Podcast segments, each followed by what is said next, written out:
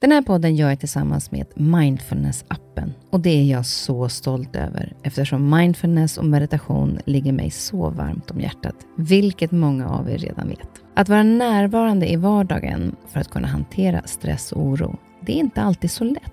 Då kan man ha mindfulness-appen nära till hands för att hjälpa dig när du behöver. För mig kan det vara så till exempel när det gäller sömnen, att vissa dagar då har jag riktigt svårt att komma till ro. Framför allt när det är mycket med jobbet. Då brukar jag använda mindfulness-appen och avsluta dagen med en avslappningsövning för att sänka stressnivån. Det gör det så mycket lättare för mig att somna sen. Oavsett om du kämpar med sömnlöshet, stress eller bara behöver en stund för dig själv så har Mindfulness-appen verktygen för att hjälpa dig att slappna av och sova bättre. Appen är utformad för att passa in i din livsstil med korta övningar som passar även de hektiska schemana. Som lyssnare till Nyfiken på så får ni 40% rabatt på prenumerationen av Mindfulness-appen. Länk till erbjudandet ja, det hittar ni i poddens Instagram, kaspersen nyfikenpa. Eller så går ni in på themindfulnessapp.com kristin. Du lyssnar på en podd från Perfect Day. Välkommen till min podd Nyfiken på. Här får jag chansen att möta människor som jag är nyfiken på utifrån deras historia, kunskap eller erfarenheter. Människor som jag inspireras av och förhoppningsvis kan vi med det inspirera er. Och om ni gillar avsnittet får ni jättegärna dela det så fler får chansen att lyssna och det ger mig också möjligheten att få spridning på podden så att jag kan fortsätta länge att bjuda in människor till roliga och intressanta samtal. Glöm inte att du också kan gå in och prenumerera eller följa podden så missar du inte när avsnittet släpps. I veckans avsnitt ska vi prata om kosten. Ja, det känns ju som att man kan prata om det hur mycket som helst och det ges ut massor av böcker i ämnet. Och behövs det fler böcker? Exakt den frågan ställde sig näringsfysiologen Kristina Andersson som själv skrivit en uppsjö med böcker om kost. Och svaret på frågan hon ställde var ja. För hon vill avdramatisera det här med kosten då vi ofta gör det alldeles för komplicerat och det har blivit en hel djungel av olika råd och tips. Och istället så vill hon ändra vårt fokus och se den kraften som finns i vår mat. Det blev boken Ät smart. Och när jag läste den så blev jag så himla glad för det finns så mycket kunskap som är tydlig och med kunskap så blir det inte så komplicerat. Det blir så självklart när Kristina förklarar om de här olika beståndsdelarna och vad de har för uppgift i kroppen, som till exempel om man nämner proteiner, kolhydrater och fetter för att nämna några. Och vi tänkte idag bena ut en hel del av detta. Vi kommer grotta ner oss något, men det är för att landa i att vi oftast gör det komplicerat, men det är inte.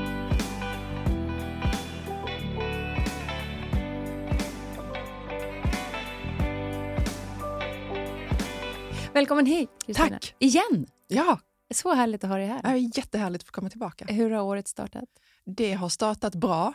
Det är ju lite en sån här chockstart varje år. Man tror liksom, man tänker så här, ja men det är bara fram till jul, sen är det ju jul länge. sen rätt som det så kommer januari väldigt tätt inpå. Det går väldigt snabbt däremellan. Det gör det ja. Mm. ja jag har ju en bild i huvudet att jag ser liksom året som att, eh, ja men tänk att eh, januari är klockan 12. Mm och sen är typ julen klockan åtta. Mm. Och sen är det liksom ganska långt till det blir januari igen. Fast det är ju inte den här det är ju inte fyra timmarna eller Nej. den här långa biten. Så för mig blir det alltid lite så här, mm. oj, nu börjar det. Men det är ganska härligt också kan jag tycka efter den här ledigheten att man säger, men nu kör vi igång igen. Exakt. Jag gillar ju de här nystartsdelarna för det känns så fräscht, även om egentligen det är ju liksom, vi säger ju så här, nytt år, nytt liv. Nej, det är ju exakt samma. det är ju samma, men man kan ändå få den här känslan av att lite så här mental, lite yes, nu, fräscht. Liksom. Ja, och det jag kan jag tycka också, då, vi, vi som ska prata om kost och mat och så, att det blir väldigt tydligt att under julen till exempel så, så då njuter jag bara av mm. maten mm. och tycker att det är toppen. Och sen kommer in i januari och bara, vad hände? Ja. jag vill inte se en knäck till. Nej. Och att man, jag hinner äta mig trött på det. Mm. Så att jag är så redo för den här, mm. inte nya livet, utan nystarten ja, på något exakt. sätt. Ja. Eh, och därför är det väldigt härligt med den boken som du har kommit... Alltså det här var så roligt, för du pratade förra året om att du så här, undrar om jag ska skriva en bok eller inte. Ja. Men så blev det. Det blev visst så. Eh, och jag, förra boken så sa jag, nej nu, aldrig mer.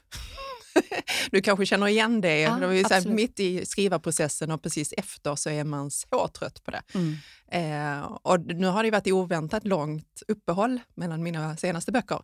Men det blev visst en bok till eh, som kom nu här i januari. ja. Mm. Ja, och vad var det som gjorde, för att om du ställde frågan så här, behövs det en, en bok till om kost? Det finns ju några stycken. Det du har skrivit ju. en hel del och det är många andra som Mm. gör det. Exakt. Eh, Så ur det liksom mängdperspektivet så behövs det inte fler. Men jag kände att, vänta nu här, nu har vi sprungit vilse alldeles för länge. Jag vill, och jag känner också lite så här ansvar att vänta nu här, har jag bidragit till att vi har fått det här snedvridna liksom, perspektivet? För så här, när jag började jobba i den här branschen för ja, snart 20 år sedan, då handlade det väldigt mycket om att bara berätta för folk att vet du vad häftigt? Vi kan påverka vår hälsa med vad vi äter. Shit vad häftigt liksom. Men nu har det ju gått så långt så att det är ju ingen överraskning för folk längre. Det vet vi. Men det har också tagit liksom lite fel spinn sen och så har vi trott, eller börjat tro att det handlar om helt fel, eller inte fel saker, men att det handlar om detaljer som det kanske inte är så viktigt egentligen. Vi börjar sila mygg och svälja kameler som man brukar säga. Liksom. Och då känner jag så här, fast vänta nu är vi på fel. Man vill ju visa hur fantastiskt det är med kosten Mm. och att vi faktiskt kan påverka. Och inte bara liksom så här som det har blivit mycket så här, "Ah, men det där är farligt och det där är farligt och det här är jätteviktigt att du får i dig." Alltså så mycket liksom ängslighet kring det. Ja, det blivit komplicerat tycker jag. För det finns ju också så här, det finns ju så många olika typer av böcker. Och det är dieter och det är metoder och det är... Alltså det finns en uppsjö. Jag, alltså jag har ju själv skrivit en kokbok som var- glutenfri. Då. Ja, ja. Ehm, så det blir ju så många olika saker. Till slut blir det så här, men vem, vad ska jag förhålla mig till och vem är det som säger rätt och vem är som, vad är det som är, finns det något rätt eller? Alltså så här, det blir så rörigt kan jag tycka. Exakt. Och din bok den heter ju Ät smart. Ja, Och, vad, och det är ju eh, fantastiskt Ja, om du kan göra det. vill man, en- vem vill inte det? Och vad var tanken då med boken att du ville göra? Men det var ju, alltså det här med smart-perspektivet, det är ju just för att sätta kontrast till, det handlar inte om rätt och fel. Eh, och jag gör ju liknelsen med verktyg. Det finns ju liksom inte rätt och fel verktyg, de lämpar sig bara för, för olika syften. Och det är ju samma sak. Alltså kos- kosten är ju jättehäftig och alla effekter vi kan få ut av den. Men det handlar ju inte om att, liksom, som vi ofta blir matade med, att det finns liksom ett så här, nu ska du äta glutenfritt eller nu ska du äta mjölkfritt eller socker är ett gift och så vidare. Utan jag är helt övertygad, jag är ju med dig på den där liksom glutenfria tåget så att säga i form av att jag har sett jättemånga som mår mycket, mycket bättre när man drar ner på spannmål. Liksom. Men det är ju inte samma sak som att alla ska göra det, utan då handlar det ju om så här, är det något för dig? Och det är väl det som också är lite svårt. Alltså, vi är ju alla olika, vi har olika förutsättningar, eh, vilket jag vet att du nämner i boken. Jag måste säga det att den är extremt tydlig, enkel och eh, man bara, ja, så här Tack. funkar det ju faktiskt. Eh, för att det blir inte så komplicerat, precis så. Nej. Och då tänker jag just på det här att vi är ju alla olika. Alltså man tänker på män och kvinnor, man tänker Mm. på längd, muskelmassa. Vilket gör ju att många, och jag som inte tål gluten till exempel, ska ju inte äta det. Om jag är allergisk mot någonting, ät inte det. Nej. Alltså det är ju en självklarhet. Men, men någonstans så handlar det om att försöka komma ner till vad är det kroppen behöver för bränsle för att fungera? Mm.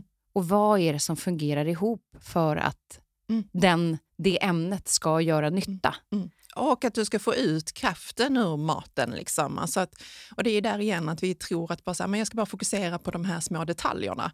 Medan vi måste börja jag svarar ju liksom alltid så här, det beror på.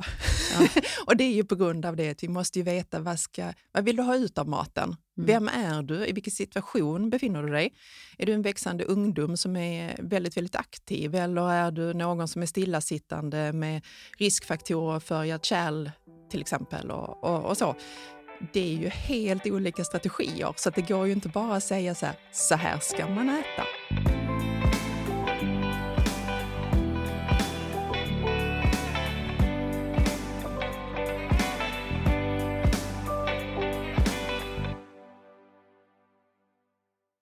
Jag tänkte att vi ska försöka bena ut lite grann det här då, att, att, um, kring de här sakerna som du skriver om och för att göra det också lite tydligare och liksom mera kunskap faktiskt kring Mm. kosten. För det är väl det ibland att vi har dålig kunskap om oss själva och därmed också vad vi stoppar i oss. Ja. Så man kommer då till det här med att vi pratar om det här med rätt bränsle. Ibland får vi oss för lite och ibland för mycket. Mm. Alltså hitta den här balansen. Exakt. Den är inte så lätt kanske alla gånger. Nej, den är inte lätt. Eh, skulle jag säga. Och sen vill jag ändå lägga till att ja, eller så är det inte så svårt heller. För att det är kanske för att vi tror att vi ska översmarta systemen som gör att vi tror att det, att det blir svårt så att säga. Om vi tittar på att man bara får tillgång till rena råvaror så funkar vår aptitreglering väldigt väl faktiskt. Då kommer det finnas en, ja, men ett system som sköter att när du har överätit lite så kommer du äta lite mindre för du behöver inte så mycket. Vi har liksom dem. Det är därför det är så här, kroppen i sig är så fantastisk så att låter vi bara den få göra sitt jobb så kommer den göra sitt jobb.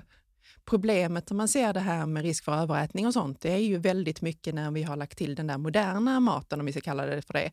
Alltså den eh, framförallt ultraprocessade maten. Och ultraprocessad, vad innebär det?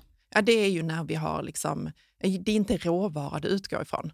Utan om du tänker dig att du läser på en innehållsförteckning så står det liksom inte så här potatis och broccoli och sånt på den utan där, där är liksom konstiga ord som du inte förstår. Alltså bara ingredienser. Mm.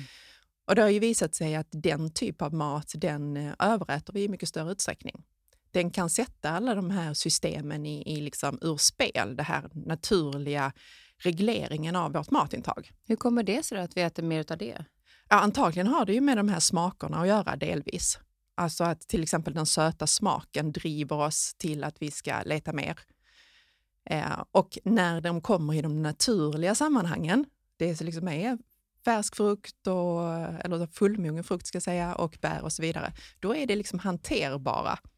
Men när vi skapar egen mat, då har vi ju utgått mycket från det här, men det här är ju, det här är ju jättegott och härligt att äta. Shit Mm. vad häftigt liksom.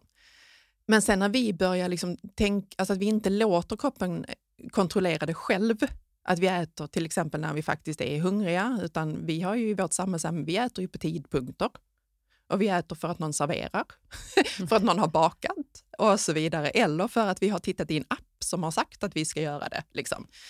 Eh, så det är ganska lätt att rubba det här, hur mycket behöver jag äta? Är det, där, är det där vi då ska försöka minska att påverkas av allting utifrån, utan mera hitta kunskapen om oss själva?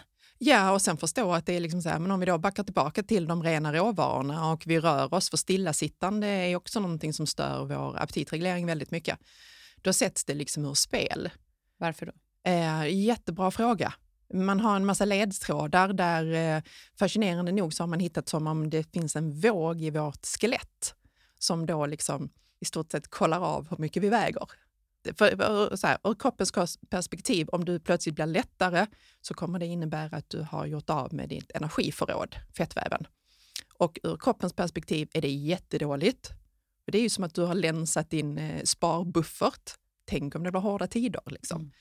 Eh, så då kommer aptiten öka för att du ska bygga upp liksom. ditt driv att tjäna mer pengar kommer att öka för att du ska få din buffert igen. Liksom. Och Det är där någonstans också så att om vi kan lära oss då, när jag, om jag sitter och jobbar en hel dag och så vet jag att jag har suttit hela dagen men jag är ändå eh, hungrig, Mm. småhungrig hela tiden. Mm. Att jag tänker till, så här, men behöver jag det här? Exakt. Nej, jag är faktiskt inte Nej, rört på med någonting. Exakt. Så att det är nog att jag får Ja. väl ställa mig upp så, så kroppen känner vågen direkt. Ja, men Alltså lite här. så. Och det finns ju såna här knep. För ska vi titta på det så här, okej, eh, kroppen funkar, den är jättesmart i sig. Eh, vad är problemet då? Jo, men det är ju den miljö vi har skapat. Vi, har, vi sätter ju krokben för oss själva konstant med den fantastiska livsstil vi har skapat. Så här. Eh, det är jättedumt. Och Mm. då helt plötsligt måste vi ha strategier för allting. Då måste vi gå till gym för att använda våra kroppar och vi måste ha liksom disciplin för att förhålla oss till den mat vi har skapat. För att vi instinktivt ska ju äta när vi får tag i mat. Och det hade varit fine om det inte fanns runt oss hela, hela tiden. Och den här typen av högbelönande maten. Liksom. Mm. Alltså, det är ju mycket vårt eget fel. Ja, det, ja, och där också så här, när, när det gäller då att vi då kanske äter mer så är det ju också en fråga kring, och vissa äter mindre, men det här Mm. med ämnesomsättningen till exempel, att vi förbränner olika. Vad, är, vad är, finns det för olika komponenter i det? Ja, det är ju den, den, liksom den mest grundläggande delen. Det är ju den fettfria massan. Alltså hur mycket muskler, skelett och organ du har. Och det återspeglas ju i att en stor person förbränner mer än en liten person. Eh, muskelmassan förändras också under eh, livet. Man säger att äldre då gör av med mindre energi och så vidare. Mm. Och så är det liksom i vad ska man säga, i grunden. Så om du någon gång har eh, matat in, nu vet jag att du har utbildat dig också så att du mm. kan det ur det perspektivet, men om du som lyssnare har liksom någon gång matat in siffror i längd och vikt och ålder så får du ut en siffra på hur mycket du gör av med. Och det är för att man vill försöka ringa in den här liksom den så kallat fettfria massan. Men där har ju nyare forskning visat att riktigt så enkelt var det kanske inte. För då, och där kommer det väl det individuella mycket in, att vi kompenserar olika mycket. Mm. Alltså eh, att även om jag då i fysisk aktivitet ute och springer och sånt gör av med 500 kalorier rent så här matematiskt, så är det inte säkert att mitt totala energibehov ökar med det. För att det sker kompensationer i kroppen. Och det är ganska nytt jag kan känna att det blir mer komplicerat. Det blir mer komplicerat. För det är lättare att räkna i, sådana fall. Alltså så att man vet, jag ska komma till det, men det blir lättare då att förstå om man så vet så här mycket förbränning under den här tiden. Jag, så här mycket, ja, typ som en bil. Jag ja. kör så här långt, jag förbränner ja. så här mycket mm. bensin, jag måste mm. fylla på. Ja. Men om det blir andra faktorer i så kanske man inte riktigt vet det. Hur Nej. hittar man det då? Ja, det är ju den uh, stora frågan. För det är ju en stor genetisk del och då är vi så här, okej, okay, vilka gener? Ja, det vet vi inte. Kan vi testa det? Nej, det kan vi inte. Inte som det är idag. Och då hamnar vi tillbaka till den där, så här, försök inte överlista. Mm. Jag är helt övertygad om att väldigt mycket handlar om att, alltså, om vi då förstår de grundläggande liksom, både instinkterna och också funktionerna. Och också förstår då hur våra instinkter passar i vårt samhälle. Som du var inne på där, man har suttit hela dagen. Ja, men dels har jag suttit ner. Sen när vi är mentalt trötta, så har vi usla matbeslut. Mm.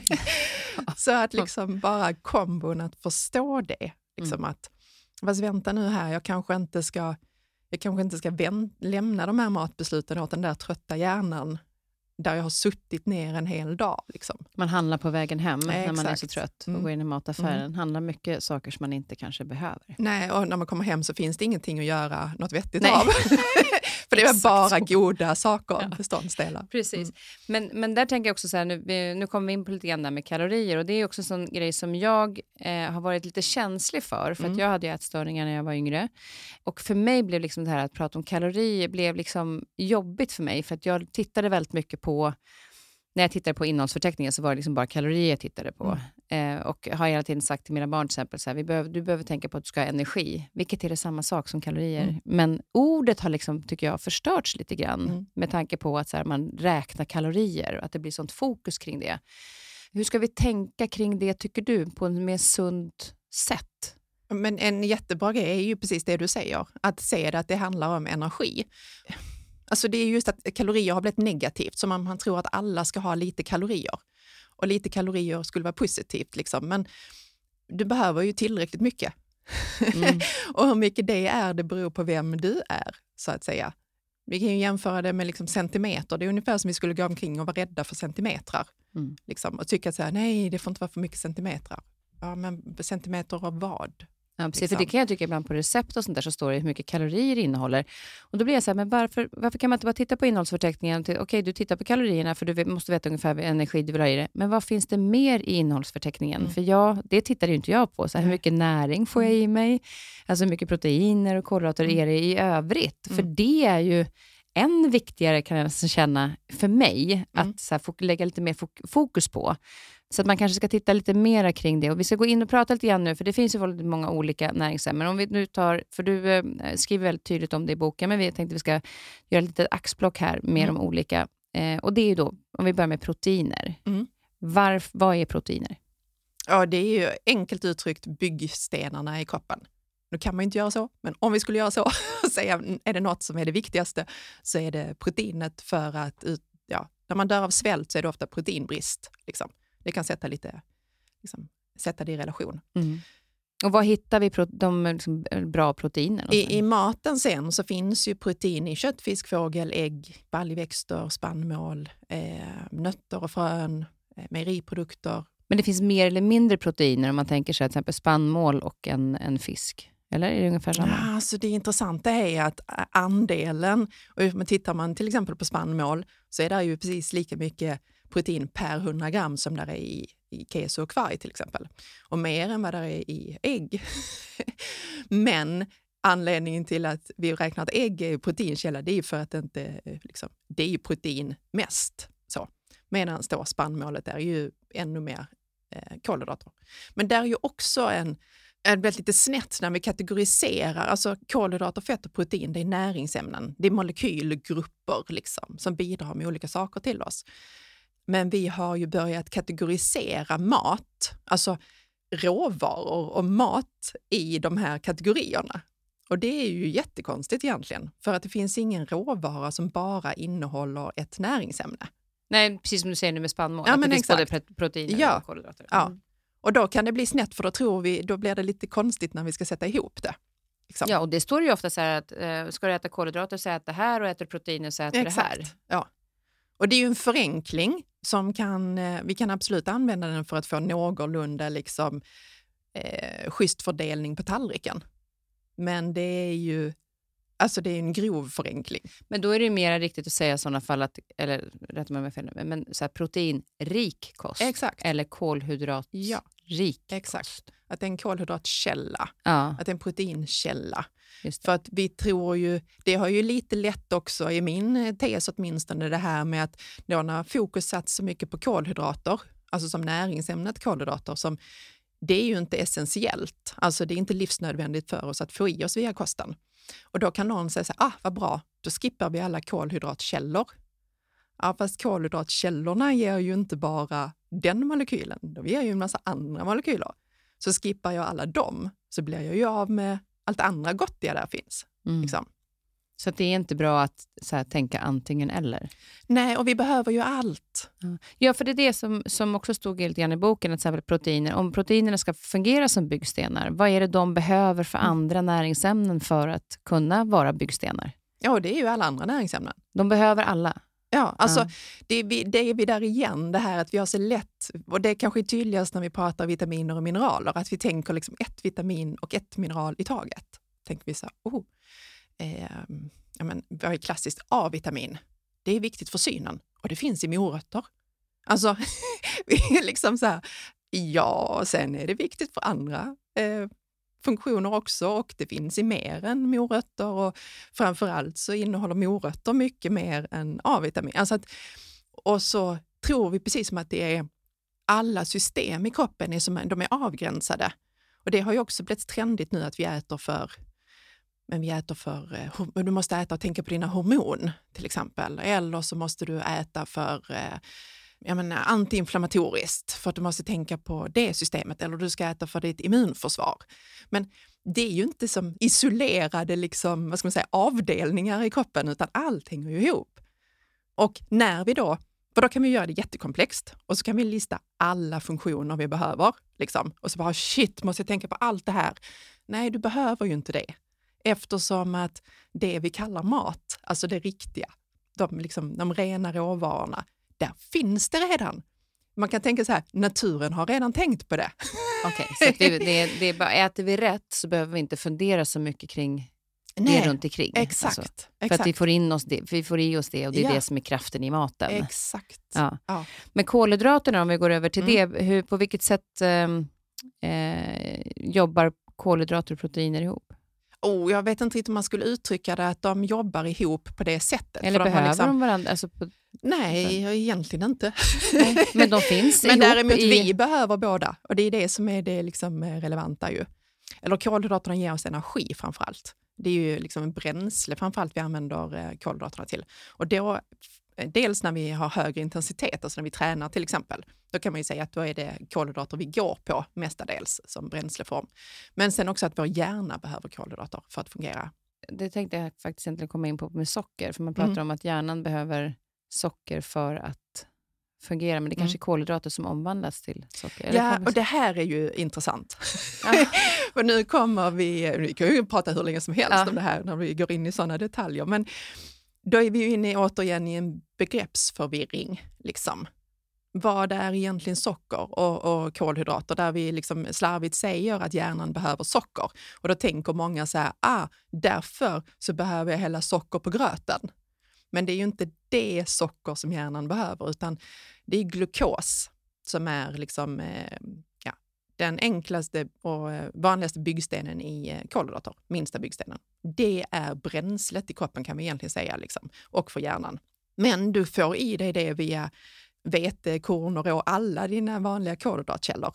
Men vi kallar det för socker för att det är liksom blodsocker till exempel, är glukos. Eh, skulle du ha det i en förpackning så skulle det där stå druvsocker. Liksom. Men det är ju inte det vita socker. Vi har ju, det är ju inte så att vi måste äta vitt socker. Alltså, nej. Nej, nej. Hjärnan får den, den mängd ja, typ av socker som den behöver. Så det är inte det vanliga sockret som vi Nej, som, det är inte, som folk och där blir det ju så svårt när vi använder sådana begrepp som vi har så olika associationer till. Man tror att man förenklar Mm, genom att använda sådana begrepp, men det blir, det blir fel. exakt. Men kolhydraterna då, det är energin som du pratar om. Ja, vi använder det som energi. Som, som en, precis, vi använder det som energi. Eh, och då hittar vi dem vanligast i sin, där de är rik, där det är mest mängd eh, Ja, det är ju rotfrukter, i eh, spannmål, i eh, baljväxter. Så vi klassiska är att man säger liksom pasta, ris, potatis, bröd, eh, quinoa, Mm. men också i frukt och Men där är det så många idag som tar bort eh, det. Mm. Eh, att man säger, nej men jag äter inte, jag tar bort mina kolhydrater för att de vill till exempel gå ner i vikt Ja. eller ja, känna sig, sig lite lättare efter julen kanske. Mm. Eh, vad, vad, hur ser du på det när man så här, väljer bort någonting på det sättet? Alltså, då är vi ju där igen att utmaningen blir ju att jag tänker att jag vill ha bort molekylen kolhydrater i stort sett. Men jag går ju miste om så mycket annat. Och just kolhydratkällorna och kolhydratmolekylen, det ger ju oss så mycket liksom, känsla av energi eh, och bränsle till ork. Liksom. Så jag skulle säga att det är jättedumt att ta, och framförallt att vi kategoriserar hela den här gigantiska liksom, eh, gruppen av råvaror det är ing, alltså, ta gärna bort godis och läsk och kakor och bullar och allt vad det alltså sånt. Men du behöver inte ta bort alla kolhydratrika livsmedel bara för att du ska ta bort dem. Liksom. Så titta på det som är, är vad, vad, vilken näring du i övrigt får med i Ja, den kosten exakt, du väljer. Exakt. Ja. Och sen är vi ju där igen, om vi då ska koppla till så här, hur smart är det? Ja, men det är ju inte jättesmart om du, till exempel så här i början på året, nu har ju många liksom satt igång och så ska man äta bättre och så vill man ju också orka träna. Och om man då drar ner för mycket på maten, då kommer du inte orka träna. Det kommer vara mycket, mycket jobbigare för dig att ta dig till gymmet och genomföra träningen. Det är ju inte jättesmart. Kombinationer. Nej, och när du säger det så, så blir det ju inte det. Nej, då är det ju bättre att jag äter lite mer så att jag faktiskt orkar genomföra mitt träningspass och det känns skönt och bra. Mm. För då finns det ganska stor sannolikhet att jag kommer göra det imorgon igen. Ah, Det hör ihop. ja, det hör ihop och det är ju lite det vi är ute över efter ju. Det här är så uttjatat, men det är ju att vi vill ha in det i vår, vårt liv. Liksom. Det, det ska ju passa in i livet och det är därför kanske de här stora, liksom, "Åh, nu ska jag inte äta det eller nu ska jag bara göra det här. och så här. Jag kan inte hålla det så länge så kommer det inte ha så stor påverkan på din hälsa i alla fall. Liksom. Det, och, och någonstans komma till att det finns, att se det långsiktigt och hellre hitta, hitta den kosten som, som du mår bra Mm. av och Mm. får energi av. För det är någonstans det som vi vill komma till. För det finns ju så många olika eh, ja, men tips och dieter och olika sätt att äta. Så att det, jag blir ju helt förvirrad. Även om jag försöker ha lite koll Mm. så blir även jag det. Eh, och tycker att det liksom ibland är, är väldigt bökigt Mm. med det. Och så tycker man att någonting nytt som kommer upp, så här, men det här låter ju bra, fast är det så bra? Och vem är det jag ska lyssna på egentligen? Så det är därför vi nu försöker bena ut det här, Mm. vad de här olika beståndsdelarna, vad det handlar om.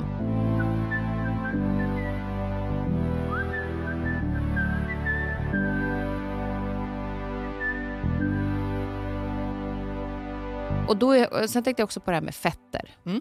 Nu har vi tagit proteiner, vi har tagit lite kolhydrater. Och eh, fetter, det finns ju väldigt, eh, det finns ju olika fetter. Mm. Om vi ska ta då de två, alltså de, Mättat och...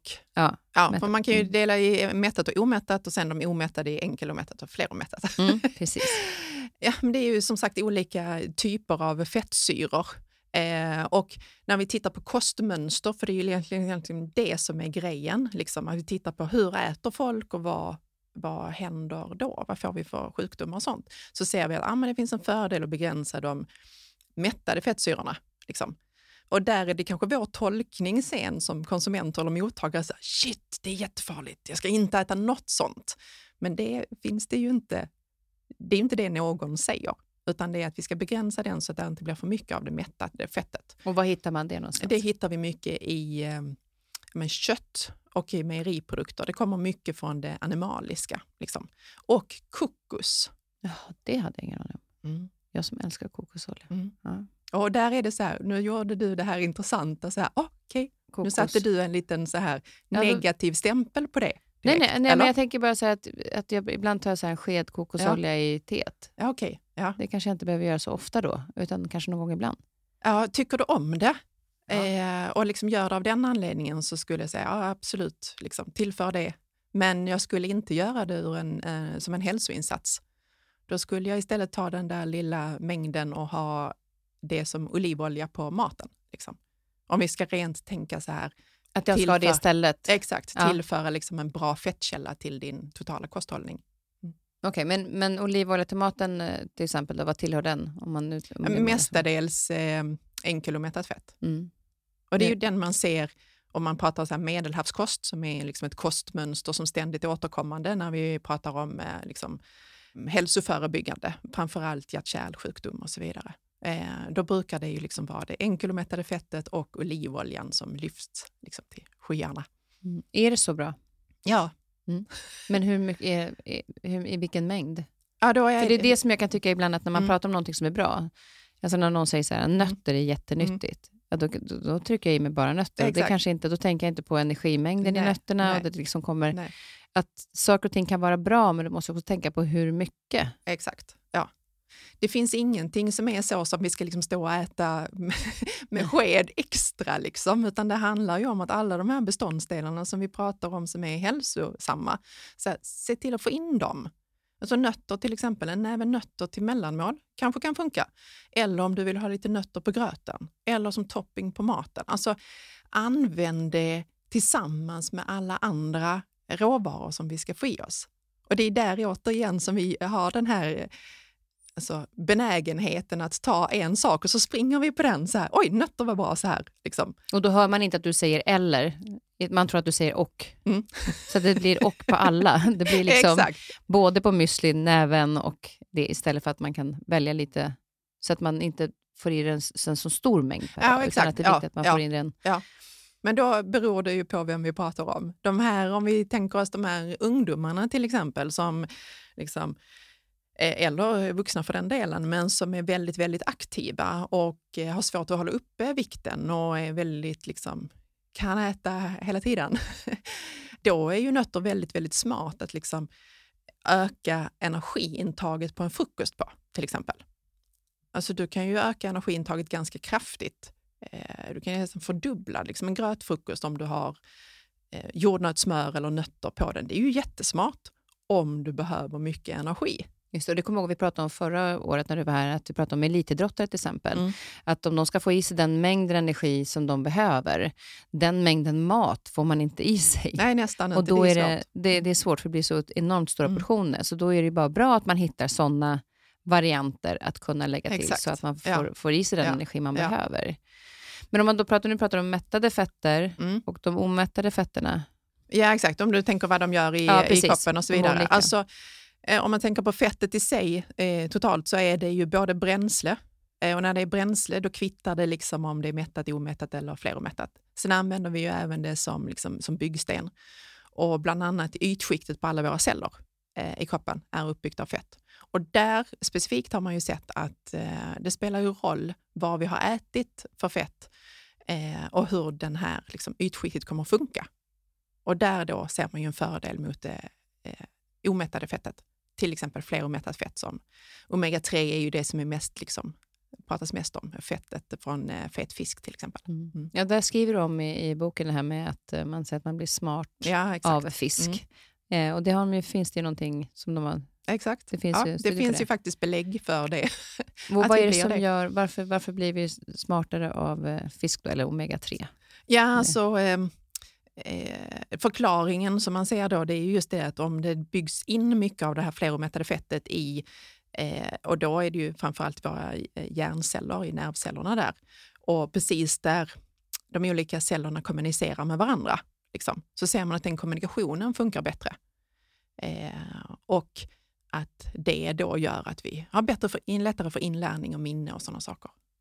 Sen ska vi ju säga att det är ju när man försöker hitta så här, okej, okay, hur verkar det funka i kroppen?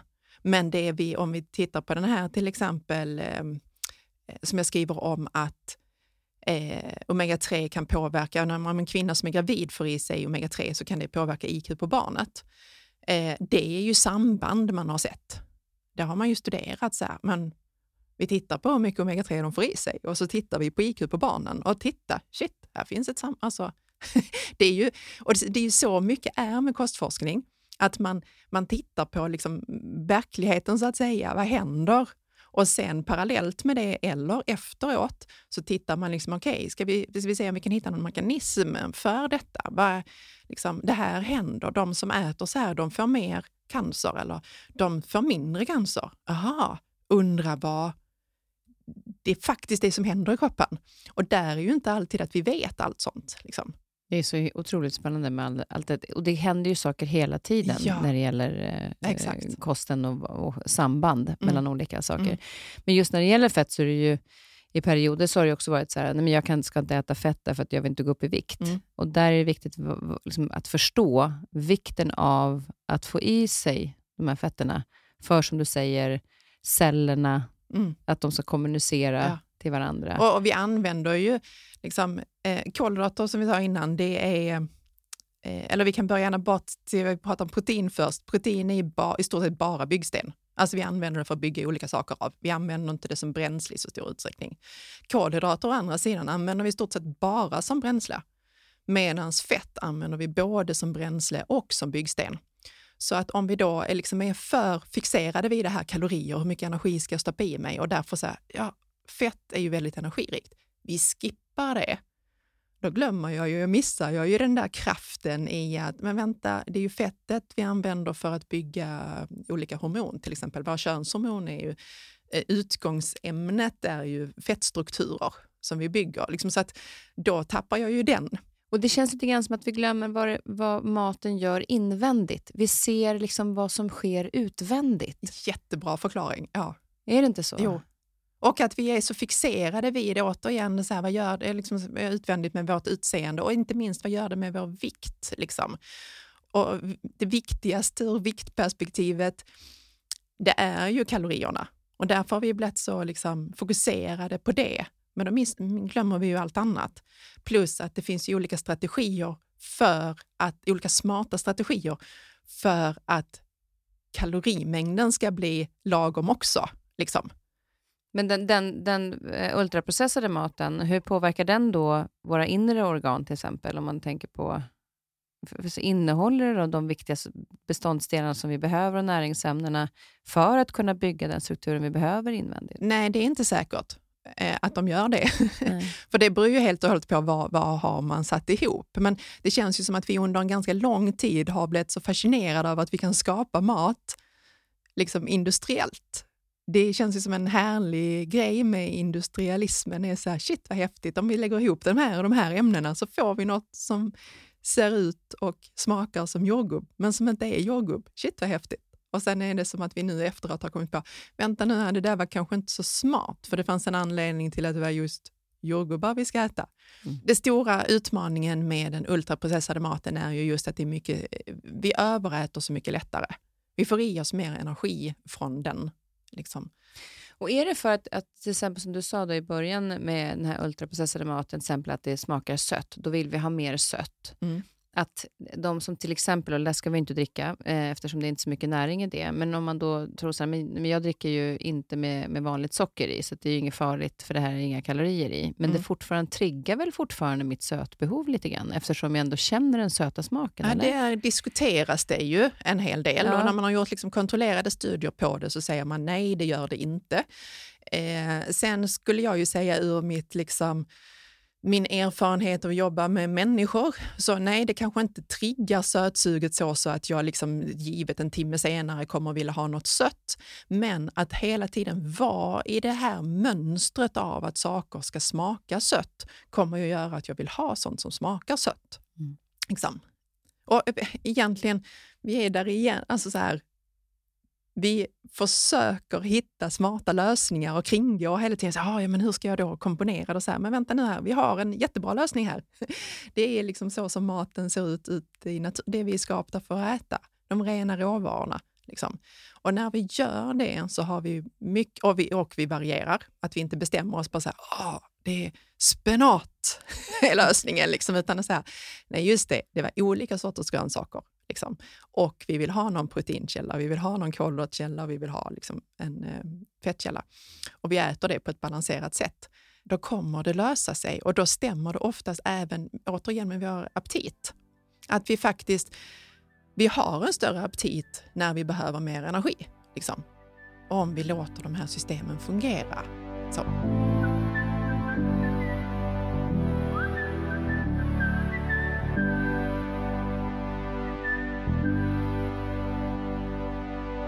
Men jag tänkte också att vi skulle komma till eh, fibrer. Mm. Eh, vad gör fibrer i kosten? Eh, och för kroppen? För kroppen. Ja, alltså, fiber är ju lite häftigt eftersom att vi behöver ju inte, alltså, de kommer aldrig in i oss. Fiber har liksom ingen funktion. De kommer in i magen, ja. men de går inte ut i systemet, eller? Nej, exakt. Jag tänker ju mig egentligen att mag-tarmkanalen, det är som ett hål rakt igenom oss. Alltså det, om du tänker dig en munk. Mat, alltså inte, alltså, inte människan. Inte utan eh, den här eh, bakverket, ja, bakverket. Munk, så är det ju ett hål. Mm. Det hålet, det kallar du ju inte för munk, utan det är ju liksom omvärld. Ju. Mm. Ja. Och det är egentligen samma sak med vår mag-tarmkanal. Eh, så att det vi stoppar i munnen är ju inte automatiskt egentligen inne i vår kropp, utan det är ju på en resa genom vår kropp. För att det ska komma in i vår kropp så måste det brytas ner till sina liksom, enskilda beståndsdelar. Då kan vi ta upp dem. Liksom. Så en tugga pizza eller för den delen rå ris eller vad som måste ju då bytas ner till det här kolhydraterna, fettet, proteinet, vitaminer och så vidare. Och det är de som kan tas in i kroppen. Och fibrerna då? Och fibrerna, de går ju bara genom oss. Men varför ska vi då ha dem? Exakt. Mm. Det är lätt hänt så här, men du kommer ju bara bajsa ut dem. eh, men, men de har en funktion? Exakt, de har en funktion under sin resa. Och Det är det som är liksom poängen. Att dels att de ger då volym åt tarminnehållet, vilket kommer att leda till mättnad. Men också har man ju då sett att det minskar risken för hjärt-kärlsjukdom och cancer i mag-tarmkanalen till exempel. Varför då? Är det för att den eh, jobbar? Det är dels att den jobbar, det verkar vara liksom en ledtråd till det, att vi vill inte ha nu gör vi in på, eh, jag hoppas ingen sitter och äter nu, men vi vill liksom tömma tarmen eh, regelbundet. Vi vill inte att det ska ligga sånt som ska ut, alltså rent eh, helt enkelt avföring ska inte ligga i tarmen så länge det verkar vara en, en nyckel, liksom. utan vi vill att det ska liksom, vara rotation i det. Och ju mer fiber vi äter, desto oftare behöver vi gå på toaletten. Ehm, och sen har du ju det här fantastiska, liksom, hela den här världen med tarmbakterier. Ehm, för att det har vi ju vetat länge, liksom, att amen, mm, fibrerna är mat åt bakterierna. Liksom.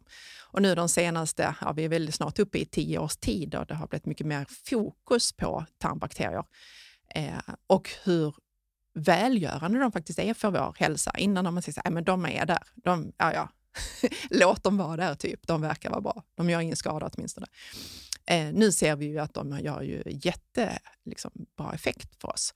Och då återigen är ju nyckeln fiber, att ge dem mat. Så man kan nästan säga att fiber ska vi snarare äta för bakteriernas skull. Och när vi gör det, det är som liksom våra inneboende. Och när du ger mat åt dina inneboende så kommer de ge eh, bra saker tillbaka till dig. Alltså du beskriver så bra. Ja, det, här, ja, men det var otroligt tydligt just där med, med hela att vi, det här hålet liksom, och att på vilket sätt det, det har en, en resa genom kroppen. Mm. Alla beståndsdelar egentligen som vi har pratat om, mm. proteiner och så vidare, hur det bryts ner.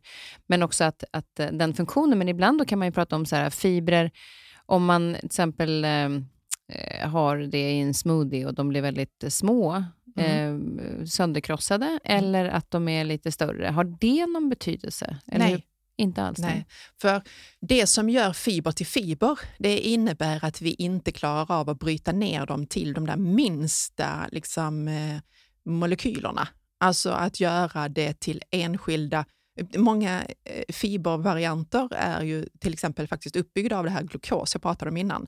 Men eh, om du tänker då glukos som en legobit, eh, så sitter de ihop på ett sätt så att vi, vår kropp inte kan ta isär de här legobitarna. Och vi kan bara ta in en legobit i taget.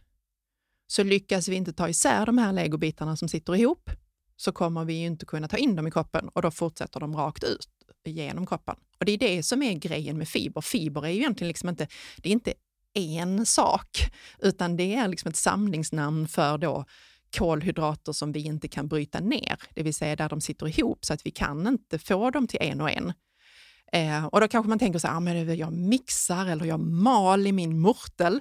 Ja, fast vi pratar om molekyler som är så ofattbart små så du kan liksom inte, det går inte att...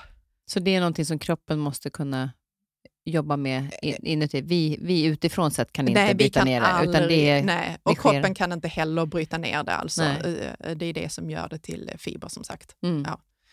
Eh, men det blir mat åt bakterierna. Så den kan tycka så här, varför ska jag äta det? Som sagt, så här, nej, det fyller en funktion när du har matat dina bakterier plus att det ger den här rotationen. Liksom. Så fiber är jätteviktiga för oss. Men där, för att ta det här eh, nyanseringen återigen, ta nu inte den bollen fiber och spring hundra på den, för då kan du få problem med magen när vi äter för mycket. Liksom. Så det gäller att försöka hitta sin balans, för vi har ju olika kanske känsliga magar också. Absolut. Så därför är det ju, fiber är viktigt, mm. men hitta balansen ja. i det som passar dig. Ja. Och sen kanske det är lite grann att man får laborera lite med det. Absolut. Att man ökar lite fiberintag på, på kosten mm. och så mm. märker man att nej, nu kanske blir det för mm. mycket och mm. backa då mm. hellre. Mm. Men vikten av att känna ut vad ja. är man, men, men ta inte, ja. se till att du får i dig det. Ja. Och om vi då tittar på så här, men okej, då var, aha, då ska jag leta fiberpasta och fiberrikt bröd och sånt. Nej, men det finns ju i, det finns ju naturligt i alla växter. Det vill säga, det finns i rotfrukterna, det finns i grönsakerna, det finns i, i nötterna. Så att genom att då äta det som vi hela tiden tjatar om att vi ska äta, så kommer du även bocka av den aspekten. Mm. Liksom. Så vi behöver inte göra så komplicerat. Vi behöver ju inte göra det så komplicerat. Där. Jag blir en papegoja. Ja, men precis. Ja. ja. men det är det det handlar om egentligen. Att, att, eh, som vi, alltså varför jag tycker det är kul att gå in på de här olika delarna lite noggrannare. Det är för att få förståelsen för vad det faktiskt gör för kroppen och vikten av det som sker inne i kroppen och att vi inte fokuserar så mycket utifrån sett. Mm. Men också att inte göra det så komplicerat. Så även om det låter lite komplicerat i början nu mm. när du berättar så är det ju mer för att förstå syftet med mm. varför vi äter det mm. vi gör och var vi hittar maten och att det, allting finns i vår mat som vi ska ha. Men vitaminer och mineraler var du inne på lite grann. Mm. Eh, att man inte så kategoriserar kanske bara de här vitaminerna och de mineralerna. Nej, exakt, utan de är ju involverade i allt skulle jag säga. Om vi listar alla vitaminer och mineraler vi behöver och alla de funktioner som det berör så att säga, så är det ju hela kroppen. Liksom. Och de är ju per definition livsnödvändiga för oss. Skulle vi nolla intaget så dör vi. Nu är det ju inte relevant för att vi, så länge du äter så kommer du få i dig någonting. Liksom. Ja.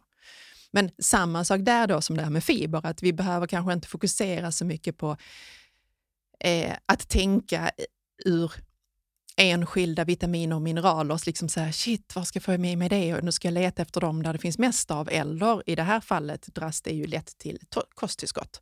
Utan att ah, de här sakerna är viktiga att få i oss. Och det är därför som du ska äta rotfrukter, baljväxter, ägg, fisk, fågel och så vidare. Och då behöver man inte oroa sig lika mycket, för jag vet ju, det finns ju ändå till exempel att de som man kan få rekommendationer med till exempel som vitamin D, att mm. eh, vi lever i en eh, mörk säsong just nu och att det är bra kanske att äta lite mer D-vitaminer för att vi får inte tillräckligt mycket från solen till exempel. Exakt. Så det finns ju vissa, om du tittar på, på, på tillskott, vad, vad tycker du om att det finns? Jättebra. Alltså, och där, det handlar ju inte svart eller vitt, självklart, för det är ju livsnödvändigt för oss. Eh, vi måste se till att vi får i oss tillräckligt mycket av alla vitaminer och mineraler. Vissa kommer att vara svårare än andra. Men generellt sett så är ju våra kostråd baserade på hur ska vi äta för att få i oss tillräckligt mycket. Liksom. Och leva, då att vi ska vara ute när det är ljust och sådana saker. Men sen kommer det inte räcka för alla och då måste vi ha tillskott. Så det handlar ju inte om dess vara eller icke vara. Det handlar ju lite om att återigen använda det i rätt tillfälle.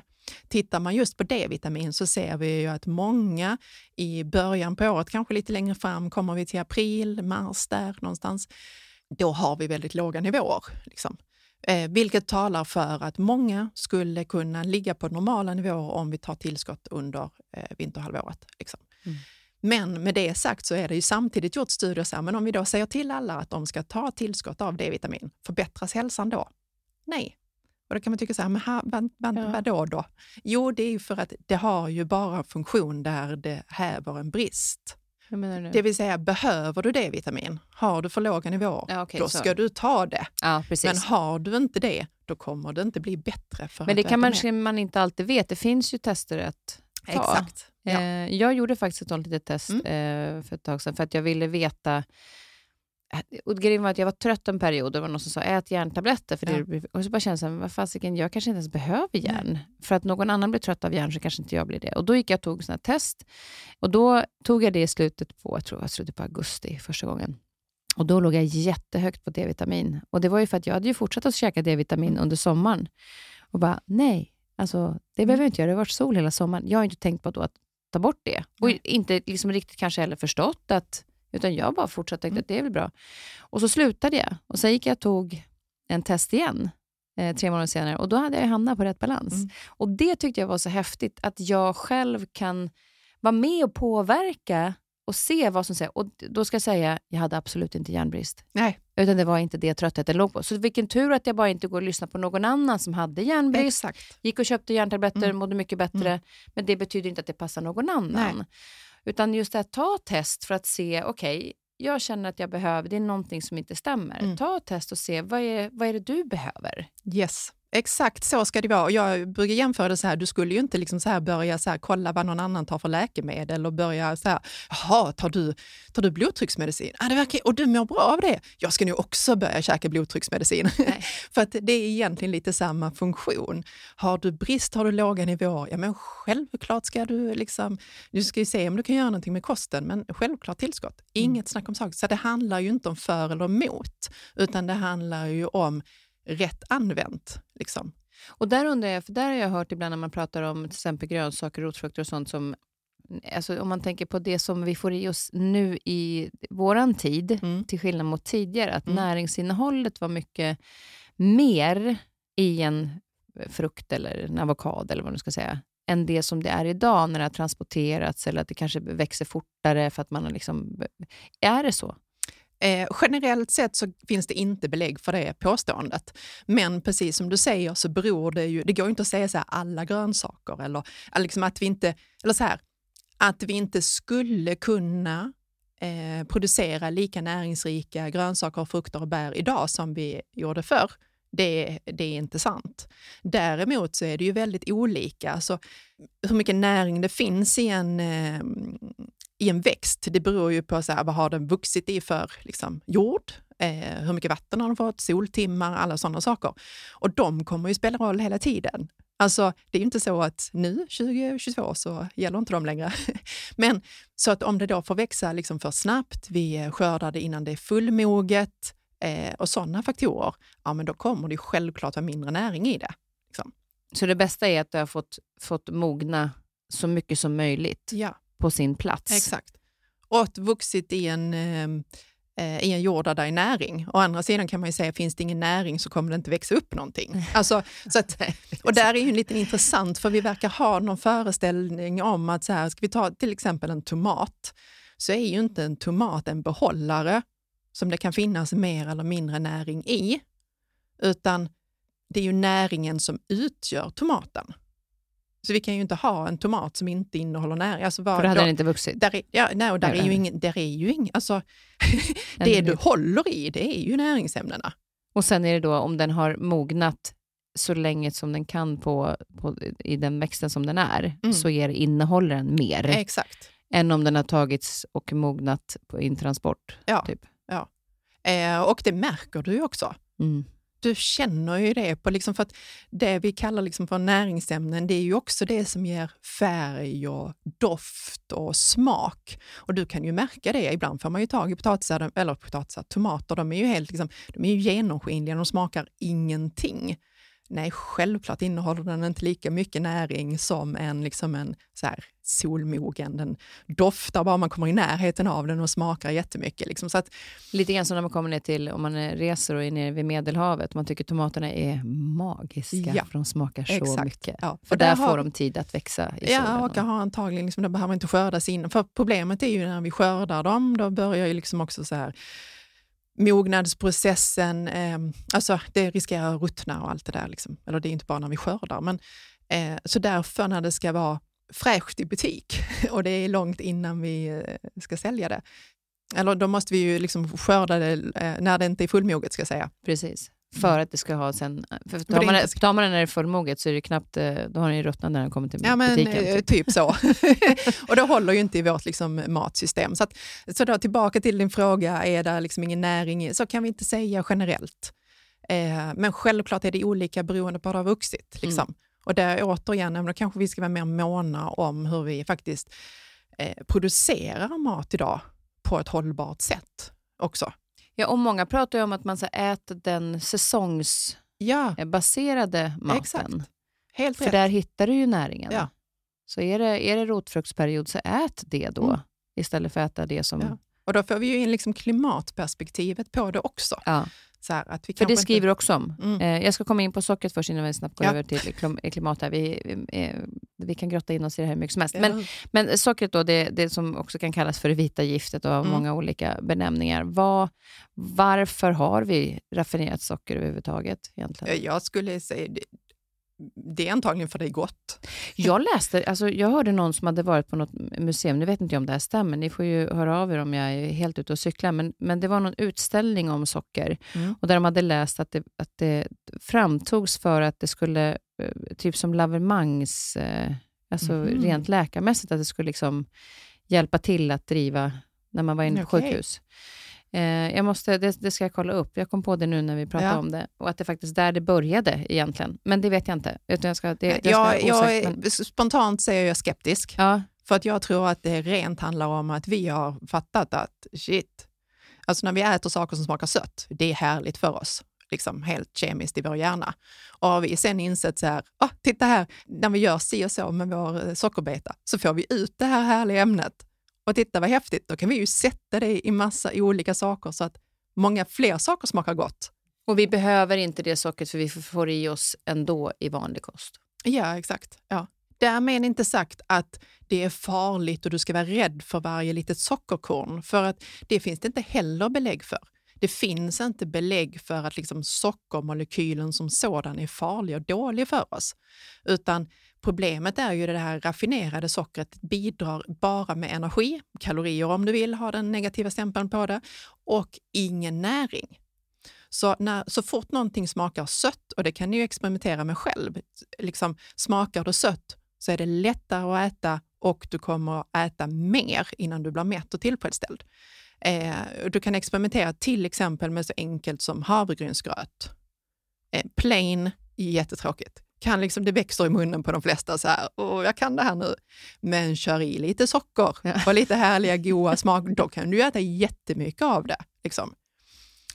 Vi har en begränsning i hur mycket tillsatt socker vi ska äta och det som ligger bakom det, det är absolut inte någon forskning på att det är giftigt och farligt för oss, utan det är just det att blir det för stor andel av den energin du stoppar i dig som kommer från tillsatt socker, så blir det för lite näring. Det är ökad risk att du överäter och, och blir överviktig och det i sin tur ökar risken för ja, typ 2 diabetes och cancer och allt sånt. Liksom. Men det triggar väl också alltså det här sötbehovet? Ja, men exakt. Alltså att, att och då man- är vi ju där att då kommer du vara väldigt stor risk att du rubbar det vi pratade om innan, det här normala liksom, aptitregleringen, utan du kommer, oh det här var härligt, det finns göra mer sånt här. Liksom. Eh, och att du äter mer än vad du behöver. Och då är det ju det som är problemet alltså.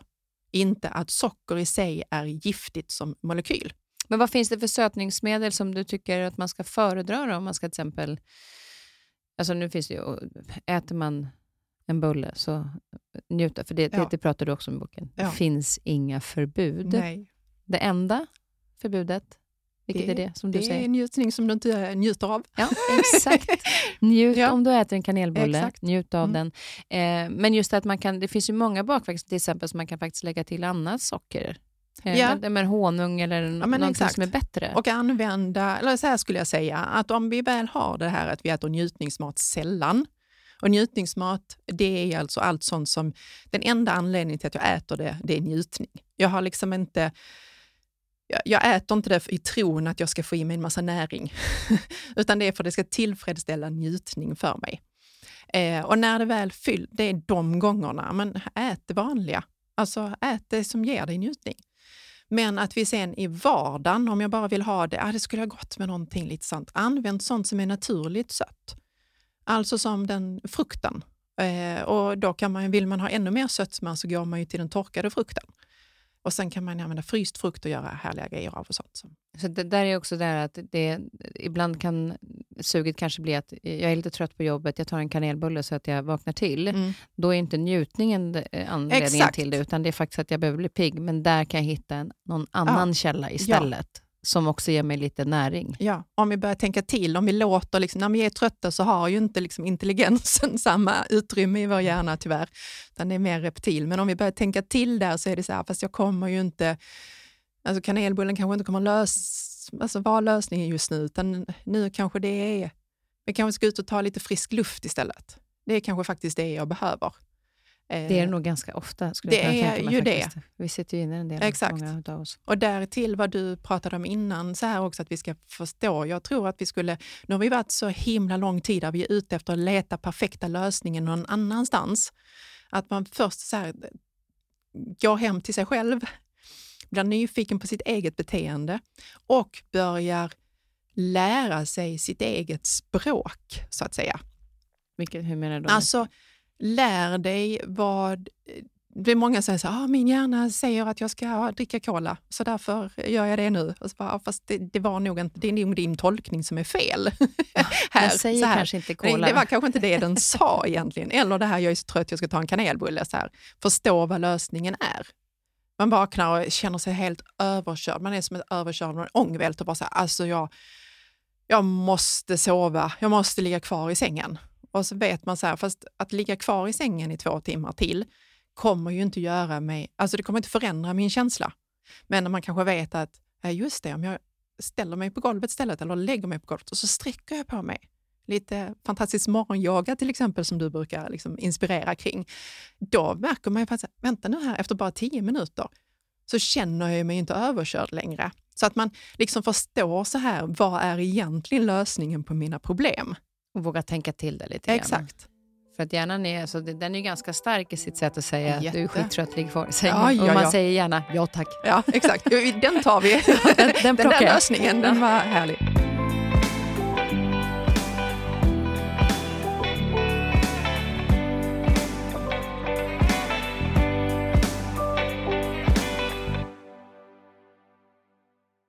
Vi ska också komma in på eh, det här med hållbar kost, alltså Mm. man tänker hållbart tänk för miljön. Mm. Hur ska vi tänka där? Vi var inne på att det här med säsongs... Ja, säsong är ju bra såklart. Sen har vi ju utmaning för vi kan inte odla hela året om här. Vi skulle putta någon annanstans. Eh, jag vill egentligen slå ett slag för onödig konsumtion. Precis som vi pratar om onödig konsumtion när det handlar om kläder eller varor. Så tänk på det även när det kommer till mat. Och då kan vi prata onödigt i form av att det, är liksom, det fyller inget värde för dig. Är det inte näringsrikt, då ska vi ju egentligen inte äta det. Och det finns oerhört mycket som vi producerar i matväg som är liksom egentligen inte det vi behöver. Och naturligtvis även den här njutningsmaten, tyvärr. För den är ju härlig, den ger guldkant på livet och så. Men ska vi vara helt krassa är det ju inte någonting vi behöver för överlevnad. Liksom. Och vilket sätt påverkar det då, menar du, miljömässigt? Ja, men allt vi inte producerar är ju positivt. Ja, liksom. Precis. Ja. Mm. Så hålla, hålla nere det. Och sen tänker jag också så här, nu när, när du pratar, så tänkte jag allt det här som är onödigt att jag köper in. För att jag tänker att mina lådor är ju fulla med massa mat. Mm. Men jag har ju inte använt upp det. Alltså, jag nej. vet inte hur länge det alltså, Det står ju där rätt Mm. länge. Mm. Istället för att verkligen så använda upp det vi har Ja. innan jag köper nytt. Yes. Alltså, jag, ja. Och börja göra. Och där när du pratar torrvaror, då börjar jag ju spontant tänka så här, ja men det ska du ju koka upp. Har du liksom en hel förpackning med råris och sen är det varje gång, så här, anledning oftast, om jag tar det till mig själv, anledningen till att jag inte tar den, det är så varje gång jag kommer på att jag ska äta så här, och så tog det 45 minuter, nej men jag tar något snabbare den här Precis gången. så. Ja. Och då är mitt tips, ta hela den förpackningen, koka upp hela och frys in den i portionsförpackningar. För då har du, det liksom, du har ditt hemgjorda halvfabrikat. Då blir det ju helt plötsligt snabbmat för dig. För de gångerna du inte hinner göra någonting, så här, ja, men ta ut en sån förpackning, eh, mikra den och så kan du ha det i en härlig sallad eller någonting nu, har jag, nu ska jag hem. Skynda dig nu. Nej, men det var faktiskt, varför jag kom på det var för att jag igår drog ut lådan och då var det en, en så här, uppe på toppen hade jag lagt så här jasminris på Mm. och den fastnade. Ja. Jag bara, den här lådan är så full med prylar nu och det har ju liksom med julen att göra, man har bakat och Mm. jag bakar inte jätteofta som jag inte äter gluten.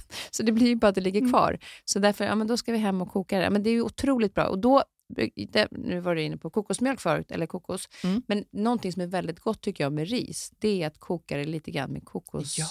ja, ja, det är gott. Ja. Och sen så river man lite citronzest Ja. på sen. Överhuvudtaget våga göra det gott kan vi Ja. komma till då. Liksom, för det är så lätt att vi pratar om de här rena råvarorna och då tror vi att vi ska vara så himla duktiga för att det är nästan som att ju tråkigare det är, desto nyttigare blir det. Det får Mm. inte vara gott. Så men låt de riktigt bra råvarorna anstränga dig och gör dem goda. Du, vi ska ta, försöka summera det här lite grann. För eh, det mesta finns ju om man vill lära sig ännu mer, vilket jag tycker att det är viktigt att göra. och Det är därför jag tycker så mycket om din bok. För att den har väldigt mycket kunskap så att vi kan få mer förståelse för vad alla de här olika ämnen som vi har pratat om faktiskt gör inne i kroppen. Mm. Om du skulle liksom summera det vi har pratat om, vad är det viktigt när det gäller att äta smart? Först och främst är att liksom förstå vad du behöver. Inte tro att du först plockar lösningen, utan först hämta hem det till så här, vad har jag för utmaningar och vad vill jag uppnå? För det är ju som att du går in i, i, i verkstaden. Mm. Vad, vad ska jag välja för eh, liksom, verktyg? Ja, men vad ska du ha det till? Och sen lära dig på riktigt, bort med svartvitt-tänket och där stämpeln vi har på mat. Och istället förstå att så här, ja, men den här maten, om vi pratar om den ultraprocessade, den ger mig jättemycket njutning. Den kommer vara svår för mig att parera hur mycket jag äter av den. Det kommer vara en utmaning. Överhuvudtaget så energität mat som eh, mycket nötter och, och frön och oljor och sånt. Eh, jag behöver det, men jag kommer ha svårt för... Jag kommer, det kan bli mycket energi på en gång. Är det något som stämmer, behöver jag det? Elitidrottare, ja, kör. Eh, vi vanliga dödliga, nej, det måste jag tänka till på att det ska jag inte ha så mycket av. Okej, finns det någonting annat? Liksom så ja, men titta här, grönsaker, rotfrukter och så vidare. Det finns jättemycket näring. Eh, det ger bra mättnad och det ger inte så jättemycket energi. Det är ju klockrent för mig som inte, jag tycker om att äta. Jag vill äta mig mätt och tillfredsställd. Jag vill ha näring, men jag, det får liksom inte bli för mycket energi. Ja, men då är det ju klockrent att välja sånt. Alltså så att vi, det inte är svartvitt, liksom, utan det är så här, ja, men ultraprocessad mat eller högbelönande mat. Det är skitgott. Det är liksom inte, men det är inte farligt. Men jag vet ju att ja, det finns risk att jag överäter när jag äter det. Därför ska jag inte göra det. Och just att, att kunna vara ärlig mot sig själv. Exakt. Det är inte för någon annan, liksom, utan det är ju för att göra det skönt för dig själv. Det är många jag möter som är så här, ah, det är så orättvist, andra kan äta kanelbullar, men det kan du också göra. Nej, fast då mår jag inte bra. Nej, just det. Det är ju därför du inte ska göra det. Det är inte för att det, liksom, det finns ett rätt och fel, utan det går hem till mig så här, det är jätteskönt när jag äter på det här sättet, för då mår jag som jag vill må. Ah, det är ju argumentet till att du ska göra det. Inte för att det finns någon, liksom en stämpel på bra, dåligt, duktigt och så vidare. Så ditt fokus. Exakt. Tack snälla. Du har ju ditt Instagram, kristinaandersson.se och Ja. samma sak med hemsidan Hemsida. där. Ja. Och sen boken Ät smart. Och nya planer för året? Oj, massor. Massor. Eh, jag jobbar ju lite med utbildningar nu. Eh, jag tycker det är kul, precis som vi får göra här, att prata om, förklara varför. Mm. Så jag har lite digitala utbildningar, ska köra en eh, liveutbildning också och sen så blir det, ja, det blir ju faktiskt en bok till. Alltså, du är så rolig. Ja, det är dumt, men det nej, sker. Det kanske, nej, men det sker. Spännande. Ja. får vi lyssna till mer längre fram sen vad den handlar om. Exakt, det får Det vi göra. vi Ja. Tack snälla för att du kom hit. Du, ska vi hitta själv. på någon låt att lyssna till? En låt? Ja, ska vi, vi avsluta med någon låt? Vi hinner tänka lite. Jag har inte förvarnat dig om det här. Men- Nej. Nej, alltså jag kan inte komma på någonting. Alltså vet du vilken jag blev helt kär? Nej. Alltså hon är ju så fantastisk. Adele. Adele. Easy on me. Ja, Ska vi ta det den? låter jättebra. Ja, vi avslutar med den, Adele Easy on me. Och tack snälla Kristina. Tack själv för att jag fick komma hit.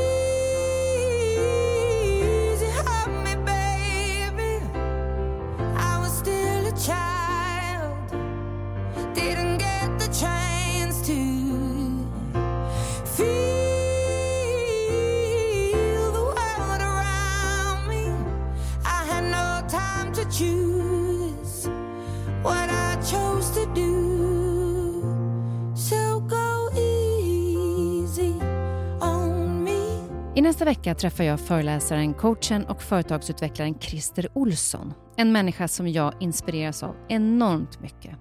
Vi pratar om att man inte ska klara allting själv utan vi kan göra tillsammans. Vi pratar sorg och saknad, om kommunikation och om att reflektera för att lära och genom det veta vad man själv vill med livet som vi lever. Missa inte nästa vecka. Det blev ett långt och för mig ett fantastiskt givande och varmt samtal och jag hoppas att ni ska känna likadant.